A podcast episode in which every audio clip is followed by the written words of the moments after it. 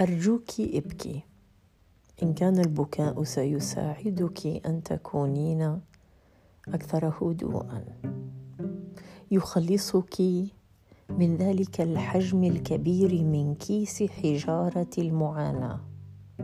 ابكي أحيانا نبكي لأمور عظيمة جدا.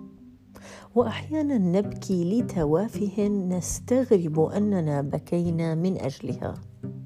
تلك التوافه هي تراكمات لتوافه وتوافه وتوافه ولكنها أمور عظام وليست كما يعتقد البعض بأنها صغيرة. ابكي لأن ذلك لن يجعلك فقط أجمل. ولكن سيخفف من الضغط النفسي الذي تمرين به. أحيانا لا نعرف إلى أين نتجه. ولماذا حل بنا هذا الحظ السيء؟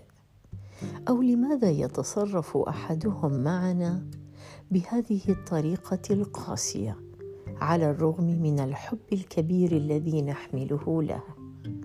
نفكر كثيرا. تؤرقنا الليالي. نعمل على مدار الساعة. لا يعتني بنا أحد. لا يفكر بأحزاننا أو بمتطلباتنا أو رغباتنا أو أمالنا. قد نتمنى شرب طبق من الشوربة التقليدية. لا يسعفنا الوقت حتى لإعداده.